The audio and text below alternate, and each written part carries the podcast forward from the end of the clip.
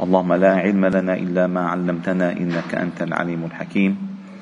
علمنا اللهم ما ينفعنا وانفعنا بما علمتنا وزدنا علما.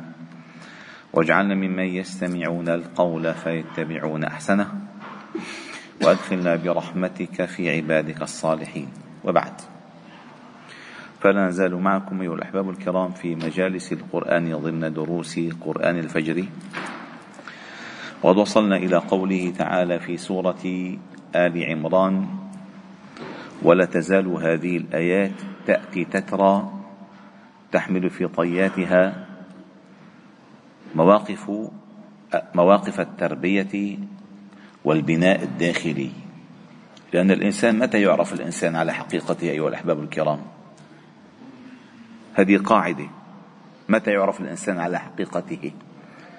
يعرف الإنسان على حقيقته في معاملته الفرح والمصائب. يعني كيف يتعامل مع ما يفرح وكيف يتعامل مع ما يحزن. فبالفرح تظهر طبيعته التي يمكن يستطيع أن يخفيها سنوات طويلة. بفرح ببين معه ببين معه اتزانه اتزانه ببين معه أخلاقه. في ناس بيفرحوا بجنوا بيرقصوا بينطنطوا ما شو بيصير مثلا. والحزن عند المصائب.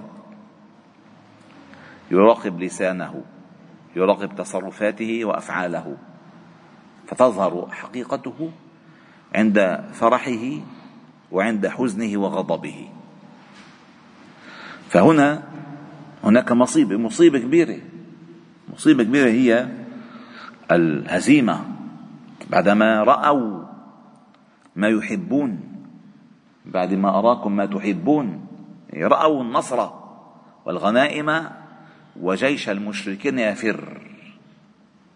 ثم أتت هذه المصيبة في آه، أو لما أصابتكم مصيبة اسمها مصيبة.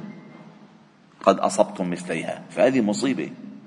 تصيب الإنسان ف يعني تصدع صدع. فأتت هذه الدروس التي تحصن المسلم في القادم من الأيام.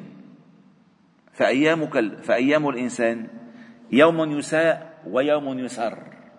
هذه الأيام. إما أن تحمل لك سرورا وإما أن تحمل لك أحزانا.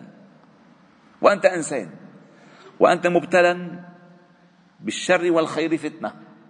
ونبلوكم بالشر والخير فتنة.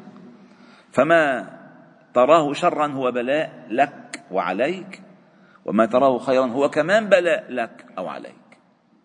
على الإنسان أن ينتبه. فأتت هذه الآيات تربي تربي الناس وتعلمنا نحن. لأن هي نزلت عليهم وانقضت. أما نحن الآن نقرأها والقرآن كلام الحي القيوم. يعني كلام حي. يعني لا يحصره تاريخ في زمن ما. حتى ولو قرأ ولو قرأت قصة آدم وخروجه من وخروجه من الجنة كأنك تقرأ حياتك أنت. لأن الله تعالى بعدما ذكر لنا خروج آدم من الجنة قال يا بني آدم لا يفتننكم الشيطان كما أخرج أبويكم من الجنة. إن ما يذكر ينبغي أن يبقى حيا ماسلا أمامك حتى لا تزل القدم لا تزل القدم ولا تستفيد من المصائب. فهنا بعدما الله ذكر هذه الآيات المتتابعة متتابعة لأن إحنا كد كدنا يعني كد كدنا أن نصل في وسط المعركة الآن نحن. أسا عدة آيات وتنتهي المعركة. تنتهي ستون آية من ذكر سورة أو غزوة أحد في سورة آل عمران. قلنا في الآية التي سبقت يا أيها الذين آمنوا لا تكونوا كالذين كفروا وقالوا لإخوانهم إذا ضربوا في الأرض أو كانوا غزا لو كانوا عندنا ما ماتوا وما قتلوا. ليجعل الله ذلك حسرة في قلوبهم والله يحيي ويميت والله بما تعملون بصير. هذه تربية عقدية داخلية الإيمان بالقضاء والقدر. تربية أنه لو عملنا هيك ما كان صار هيك لو كان هيك ما صار هيك. دعوا هذه المسألة. لا يأسرنكم الحزن لا ولا آه، آه، يهولنكم الخوف من وقع من وقع ما ما كتب عليكم. ما كتب عليكم هو الذي سيكون. لن يكون غيره.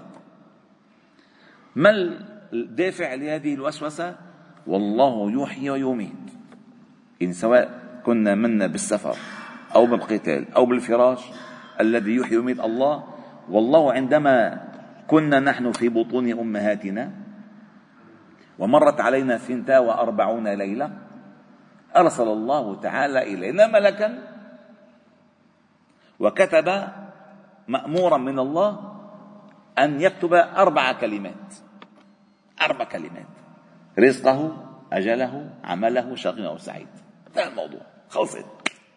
فمهما فعلت فالذي أتت الآيات هنا ثم الله تعالى قال ولئن قتلتم في سبيل الله أو متم لمغفرة من الله ورحمة خير مما يجمعون. وقلنا أن المحجم عن أسباب الموت هو الخوف على الفوت أي الخوف على فوت المصالح الدنيوية في المال والصحية في الجسد. فيحجب هذا يسموه جبن إمساك. ليش بيسموا الجبنة جبنة؟ لأنه الحليب يتماسك. بيحطوا له المنفحة للحليب فالحليب شو بيعمل؟ بيتماسك. تضل ما بينضل ليش؟ نفس الشيء هذا الجبن. الجبن هو التماسك الإحجام. نفس المعنى هو زيته. قال ولئن متم أو قتلتم لإلى الله تحشرون. سواء متم على فراشكم أو قتلتم في ميدانكم فالمحشر محشر واحد. إلى الله تقلبون. إلى الله تصير الأمور. إلى الله تصيرون. ثم انتقلت الآيات. سبحان الله يعني شيء غريب. القرآن غريب. لأن تذكرون الآيات التي سبقت. الله تعالى ذكر فيها العفو مرتين. العفو مرتين. أولا ولقد صدقكم الله وعده ولقد عفى الله عنكم. هنا كذلك إن تولوا منكم ولقد عفى الله عنهم مرتين الآن توجه الخطاب إلى القائد الأعلى للأمة الإسلامية القائد الأعلى يعني كل المسائل كانت في تعامل المسلمين مع أخطائهم طيب كيف يتعامل القائد مع أخطاء الأتباع كيف يتعامل القائد مع أخطاء الأتباع فبما رحمة من الله لنت لهم. ولو كنت فظا غليظ القلب لانفضوا من حولك فاعف عنهم واستغفر لهم وشاورهم في الأمر. فإذا عزمت فتوكل على الله. إن الله يحب المتوكلين. إن ينصركم الله فلا غالب لكم وإن يخذلكم فمن, فمن ذا الذي ينصركم من بعده وعلى الله فليتوكل المؤمنون.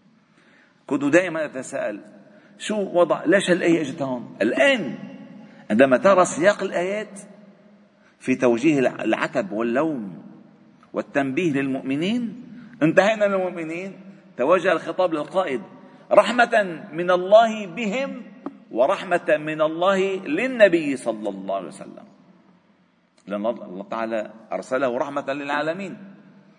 وهذا تعليم لكل القادة على مر التاريخ لكل مسؤول على مر التاريخ كيف يتعامل مع الخطأ إن صدر من أتباعه.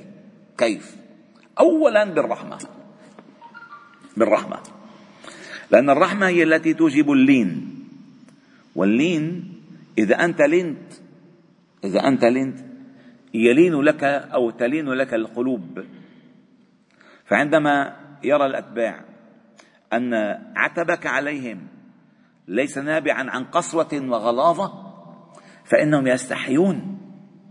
بطبيعة البشر البشر هيك حتى الحيوانات هيك. كل الخلق لما بتلين معهم بيلينوا ولما بتشد بشدوا. فالله قال فبما رحمة من الله لنت لهم. أي لنت لهم لأن الله أراد بك رحمة وأراد لهم رحمة. وما أرسلك إلا رحمة. فبما أي بسبب فبما بسبب الرحمة فبما رحمة من الله لنت لهم. أي ما عاملتهم بالقسوة لأن اللين يقابلها القسوة. ولو كنت فظا غليظ القلب لانفضوا من حولك. وإن كنت نبيا صلى الله عليه وسلم. صور أخطأ جيبهم يا كذا يا كذا. بلش سب سب فيهم ما بصير ولكن هذا كتبه الله تعالى علينا هذه المصيبة حتى نتدارك غيرها أن لا نقع في مثلها. ولو كنت فظا غليظ القلب. والفظاظة ترى. ترى فورا. الفظاظة ترى في التصرفات.